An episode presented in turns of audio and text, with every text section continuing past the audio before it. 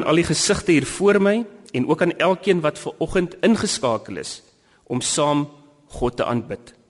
Waterkloof gemeente is vanjaar 57 jaar oud en ons het tans ongeveer 1350 lidmate.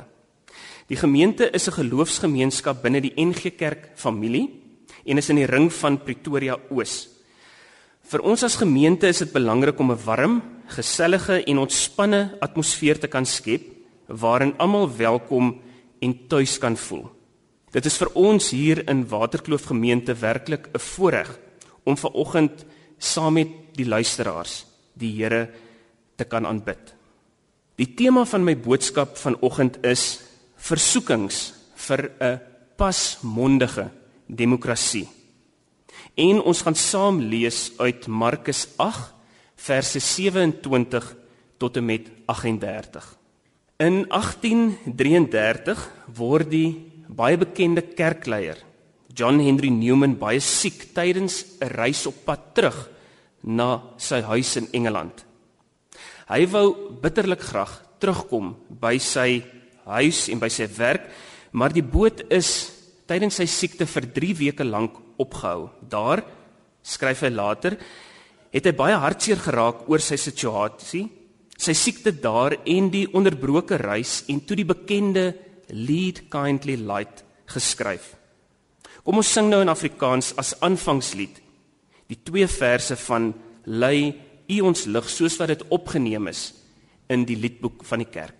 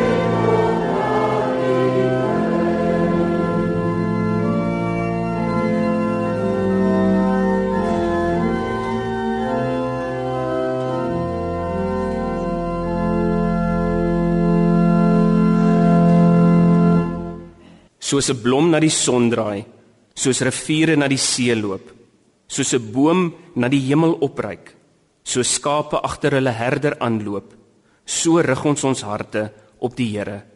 Rig julle harte op die opgestane Here. Die Here groet julle vanoggend op hierdie Sondag in Paastyd 2015, soos wat Jesus sy disippels kort na sy opstanding gegroet het. Vrede vir julle. Amen. Kom ons sing saam as 'n loflied, lied nommer 509 verse 1, 2, 3 en ook 4.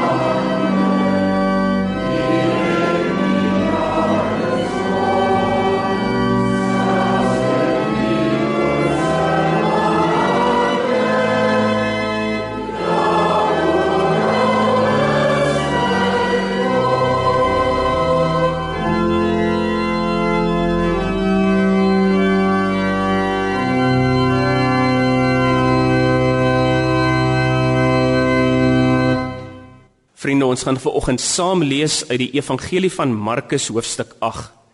Markus hoofstuk 8, ons gaan saam lees van vers 27 tot en met 38. Met die Bybel so oop, kom ons bid saam. Here, waar ons vanoggend saam is om U te aanbid en ook saam uit U woord te lees. Here, is ons land onstuimig. En Here, ons wil vanoggend vra dat U deur die Gees vir oggend ook hierdie ou teks vir ons sal oopmaak, vir ons sal oopbreek en ook vir ons op 'n besondere wyse leiding sal gee. Here, ons het dit nodig in hierdie tye en ons vra dit in die naam van u seun Jesus Christus. Amen. Markus 8 vanaf vers 27. Daarna het Jesus en sy disippels na die dorpies naby Caesarea Philippi gegaan. Langs die pad het hy vir die disippels gevra: Wie sê die mense is ek? Hulle antwoord hom: Johannes die Doper. Party sê weer Elia en party een van die profete.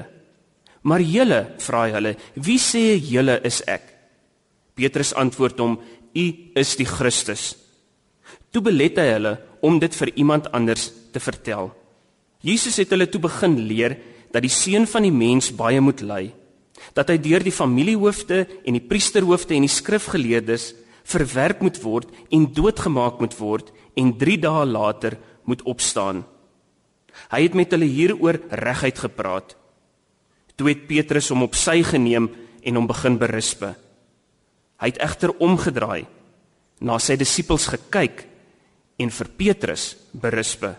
Moenie in my pad staan nie, Satan, het hy gesê, want jy dink nie aan wat God wil hê nie, maar aan wat die mense wil hê. Jesus het toe die menigte saam met sy disippels nader geroep en vir hulle gesê: "As iemand agter my aan wil kom, moet hy homself verloën, sy kruis opneem en my volg. Want wie sy lewe vir homself wil behou, sal dit verloor. Maar wie sy lewe vir my en die evangelie verloor, sal dit behou."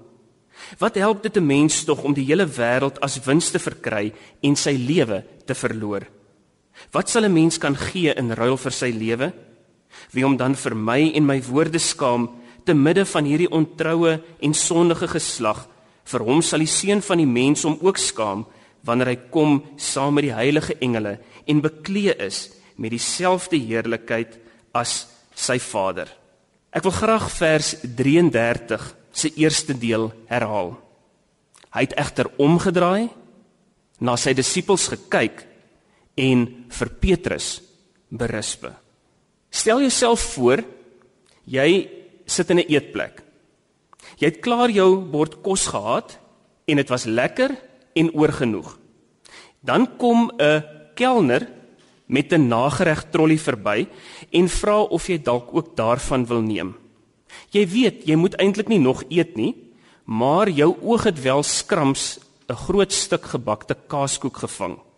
Dan draai jy jou kop so effens skuins en kyk weer na die stuk koek op die trolly.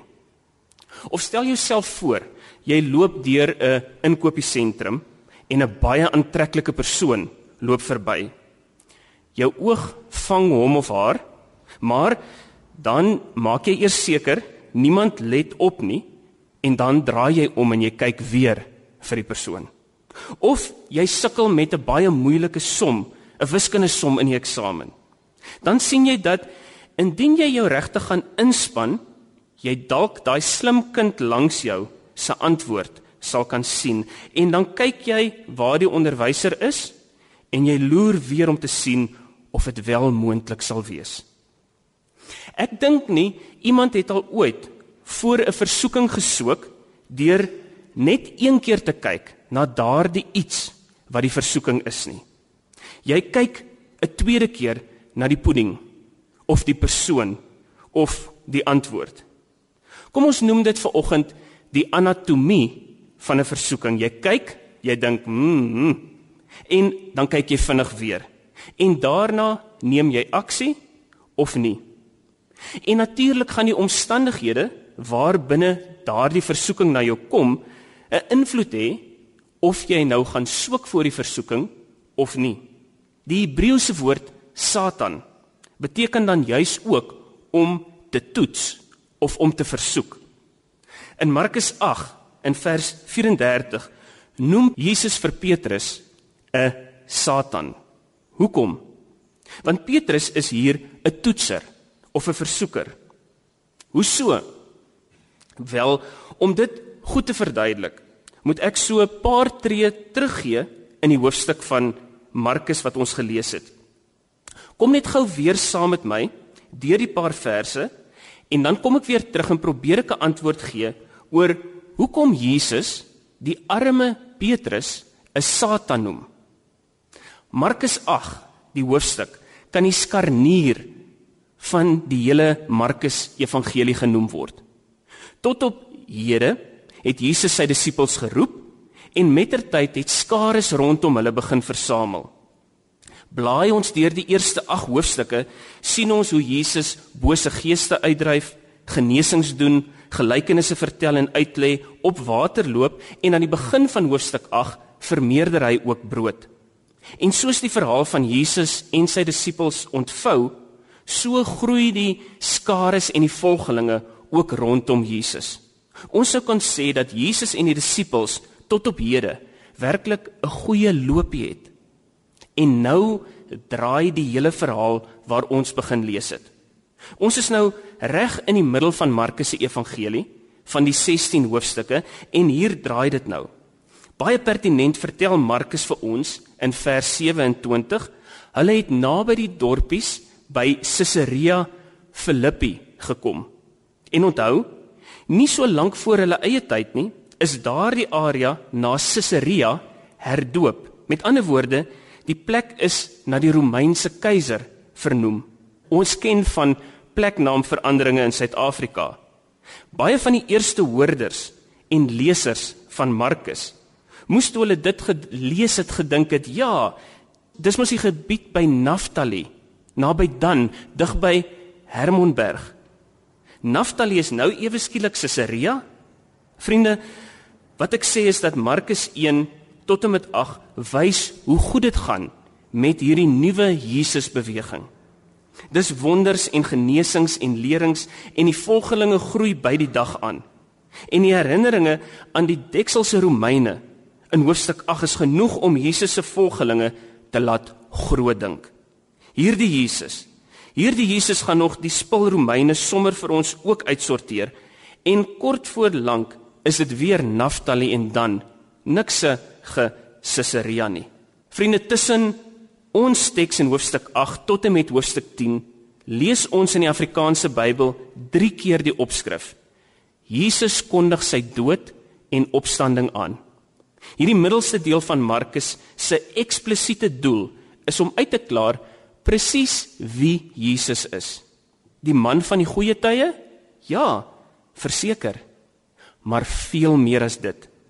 En Jesus wil juis nou op hierdie reis die disippels help om uit te vind wie hy is. In hoofstuk 9 neem Jesus die disippels eenkant en sê vir hulle dat hy oorgelewer gaan word. Hulle hom sal doodmaak en dat hy na 3 dae sal opstaan. Ook in hoofstuk 10 verduidelik Jesus vir hulle dat wanneer hulle in Jerusalem kom, die mense hom gaan spot en spoeg en slaan en doodmaak en na 3 dae sal hy opstaan. So leer ken die disippels vir Jesus beter en vind hulle uit wie hy eintlik is. En daarmee begin Jesus in die verse wat ons gelees het. Hy vra: "Wie sê die mense is ek?" En hulle gee 'n paar voorbeelde. Maar Jesus druk aan. Hy sê: "Nou nou wie sê julle is ek?" En dan die diepe ironie. Petrus gee die regte antwoord. U is die Christus. Petrus antwoord 100% korrek, 'n katkesasieklas antwoord wat reggemerk moet word. Maar van wat hy antwoord, verstaan Petrus absoluut niks nie. Hy wil 'n Christus hê, 'n gesalfde koning van die Jode wat Caesarea Philippi se naamsverandering ondaan kan maak en terugverander na Naftali en dan hy soek nie 'n Christus wat ly en sterf en in 'n graf gelê word nie. En dit is presies op hierdie punt wat Jesus vir Petrus Satan noem, die toetser, die versoeker. Jesus verduidelik vir die disippels wat hier aan die gebeur is. Ja, julle het my getrou gevolg tot hier. Julle het destyds nadat ek julle eerste gekies het, ook vir my gekies en begin volg. Maar let wel, nou draai die pad en nou begin ons suidstap na Jerusalem. Nou slaan ons die harde pad en in Jerusalem sal ek doodgemaak word, maar ook weer opstaan. Markus sê vir ons dat Jesus sommer reguit met hulle hieroor praat. Niks doekies word omgedraai nie. Nee, dit is die stand van sake as jy my volg, finish en klaar. Dit is dan wat Petrus vir Jesus eenkant toe neem. Kan jy sien hoe Petrus na Jesus toe stap? Vir hom sê Hokkai, Hokkai, stadig nou. Dan sit hy seker sy arm om Jesus se skouer in my verbeelding in elk geval en vat hom op 'n mooi vaderlike wyse eenkant en berusbe vir Jesus soos wat die teks dit stel. Dit is presies dan daar waar ou Petrus met sy arm om Jesus staan en hom berusbe wat Jesus omdraai en weer kyk na die disippels. Die prediker Hosea sê dis hoekom ons presies hier daardie weer kyk kry. Hier is die versoeking. Gaan ons aangaan met die pad hier in die noorde? Nog genesings, nog wonders, nog uitdrywings en lering? Met ander woorde, nog voorspoed of gaan ons nou suid? Gaan ons Jerusalem toe en alles wat daar wag? Ek wil hier ook Dirkie Smit se nadenke oor hierdie teks inbring. Let wel, die disippels moenie hier vir Jesus kies nie. Dis klaar gedoen, lankal. Wat Jesus hier doen is om om hulle te herinner aan hulle keuse. Dat hulle hom gekies het nadat hy hulle gekies het. Ek vermoed baie mense wat vanoggend die boodskap hoor, moet ook nie vanoggend 'n keuse vir Jesus maak nie. Nee, hulle het dit gedoen of al die feit toegeëien dat Jesus vir hulle gekies het. Hier het ons iets anders. Hier spel Jesus die implikasies van daardie keuse uit. Jy is al reeds my volgeling? Kom die vraag wel, daar's goeie tye. Julle het dit beleef, Petrus. Die mense het dit geproe en hulle kom vir meer. Maar hier vurk die pad nou. Of nee? Nee, hier vurk die pad nie nou nie, hier kruis die pad. En ons moet daai kruis wat nou in die pad staan, vat. Ek is nie hier om te veg vir 'n pleknaamverandering van Caesarea Philippi nie, Petrus. Ek is nie hier om met mag die wêreld se mag te beveg nie. Ek is hier om mag weg te gee. En wie is nou daarvoor lus? Maar kyk, die dag toe ek julle gekies het en julle my gekies het, kyk, dis waarvoor ek julle gekies het. Dis waarvoor julle julle ingelaat het daai dag. Eina. Vriende, dis nou nie wat die arme ou Petrus wil hoor nie. En dan twee keer kort agter mekaar sê Jesus soos die Griekse teks lui, episomou kom agter my aan. Jy wil voorloop Petrus. Jy wil dinge met mag doen Petrus. Maar so staan jy in my pad Petrus, dan snap jy glad nie wat dit beteken om my te volg nie. Ja vriende, so leer ons mekaar ken wanneer ons saam op reis is. Dis presies Jesus se bedoeling ook hier. Terwyl hulle reis, spesifiek toe hulle die harde pad, die moeilike pad vat, Toe begin Jesus vir hulle leer wie hy werklik is. Ons dink ook dikwels ons ken die mense rondom ons, maar gaan jy op 'n reis, veral 'n moeilike reis, saam met mense, spandeer jy langer tyd met hulle in moeilike omstandighede. Dan is dit gewoonlik ook 'n tyd wanneer jy mense beter en op 'n ander manier leer ken. My pa het altyd gesê dit sou die ideaal wees dat mense wat gaan trou voor hulle dit doen, eers 'n lang en moeilike reis onderneem, want dan weet jy baie beter met wie jy gaan trou. Nou, Jesus verduidelik hier vir die disippels met wie hulle getrou het, met die Christus, die gesalfde, maar die gesalfde wat die dienende knegg is, die koning met die doringkroon. Ek glo ons almal stap hierdie pad in die lewe. Elkeen van ons wat vanoggend hierdie boodskap hoor, het hulle lewensreis waarmee hulle tans besig is maar ons stap ook 'n pad as 'n nasie. Suid-Afrika is verseker ook op 'n reis. Almal van ons wat al reeds ontdek het dat Jesus 'n keuse vir ons gemaak het en ons ook vir hom gekies het, Almal van ons soek ook die beste vir ons mooi land. En daar kom tye, tye wanneer ons soos Jesus in Markus 8 ook gaan staan.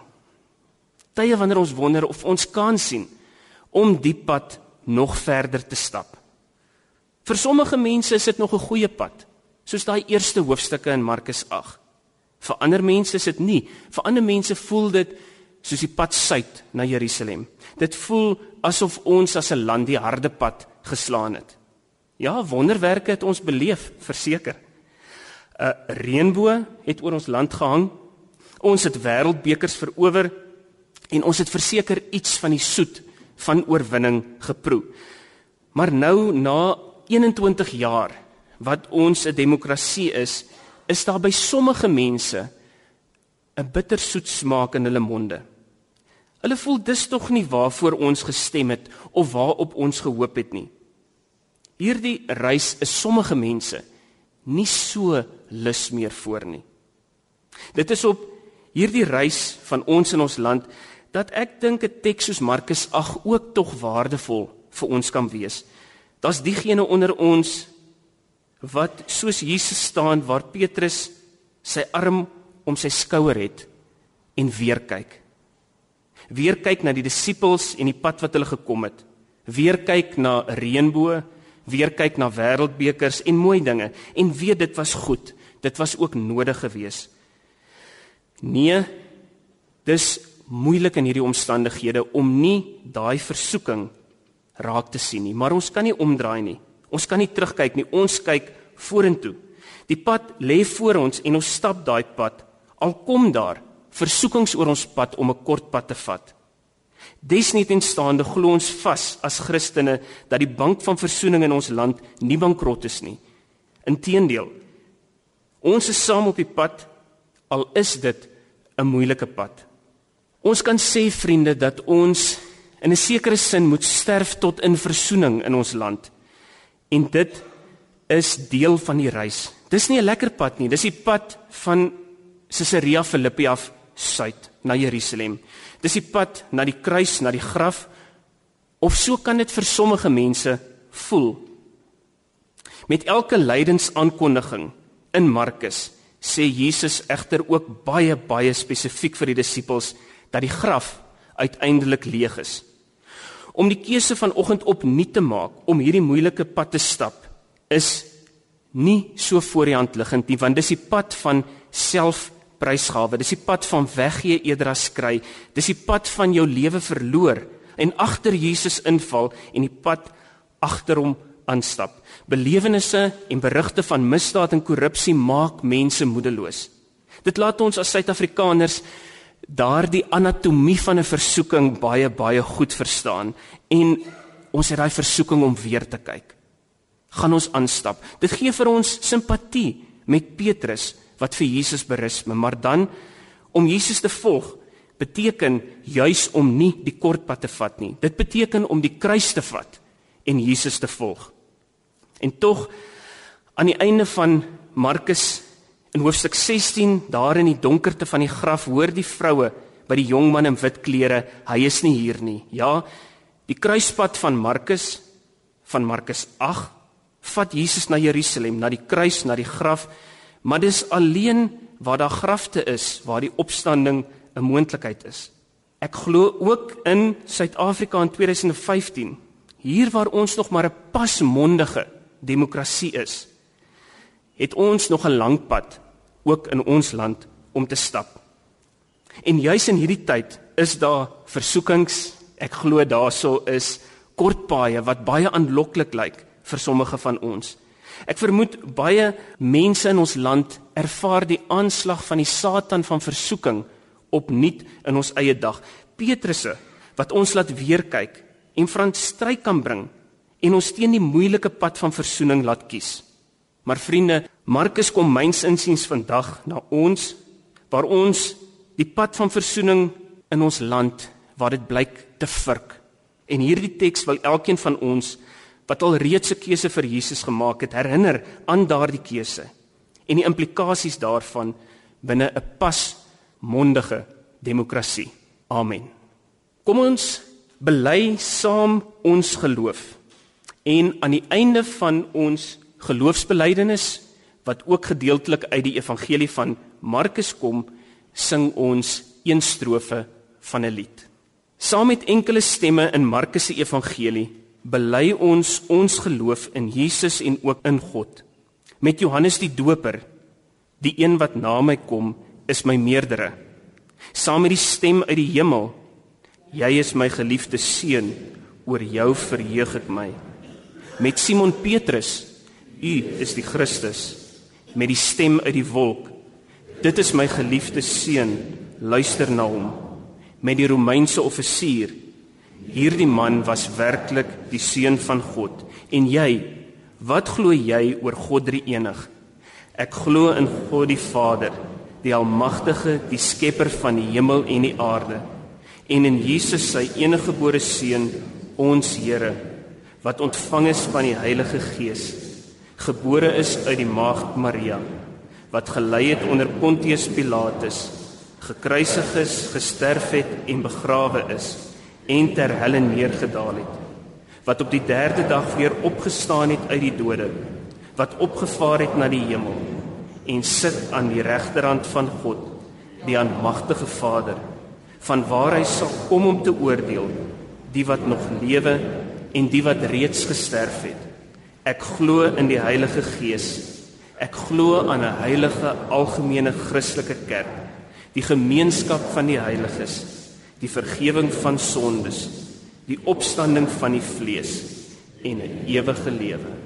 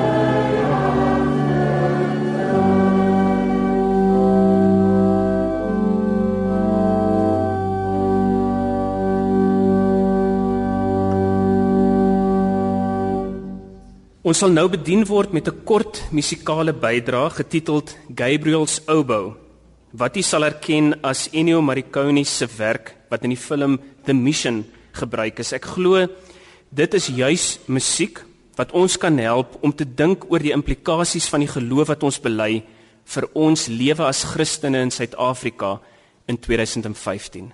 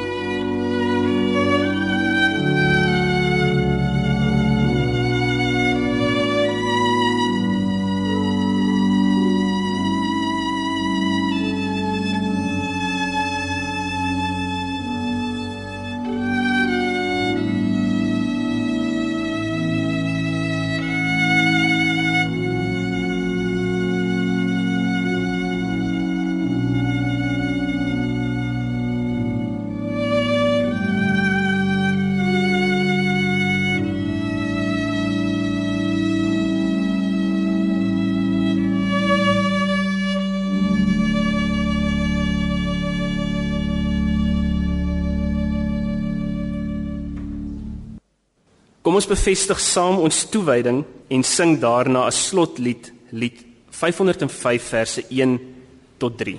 Wanneer ons vanaf hierdie erediens uitmekaar gaan, betree ons die erediens van die lewe. Gaan die wêreld tegemoet, dans, lag, sing en skep. Ons gaan die versekering van God se. Gaan die wêreld tegemoet, neem risiko's verken, ontdek en wees lief. Ons gaan Gaan die wêreld tegemoet, glo, hoop, stry en onthou. Gaan nou, onthou wie jy is en aan wie jy behoort.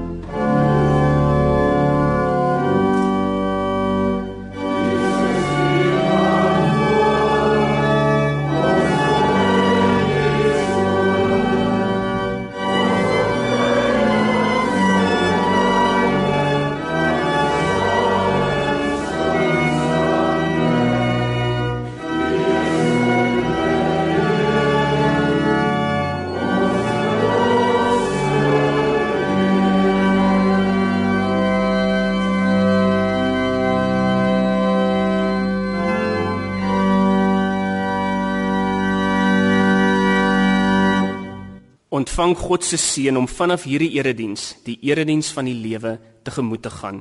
Die Here is voor jou om die weg gelyk te maak. Die Here is langs jou om jou in sy arms toe te vou.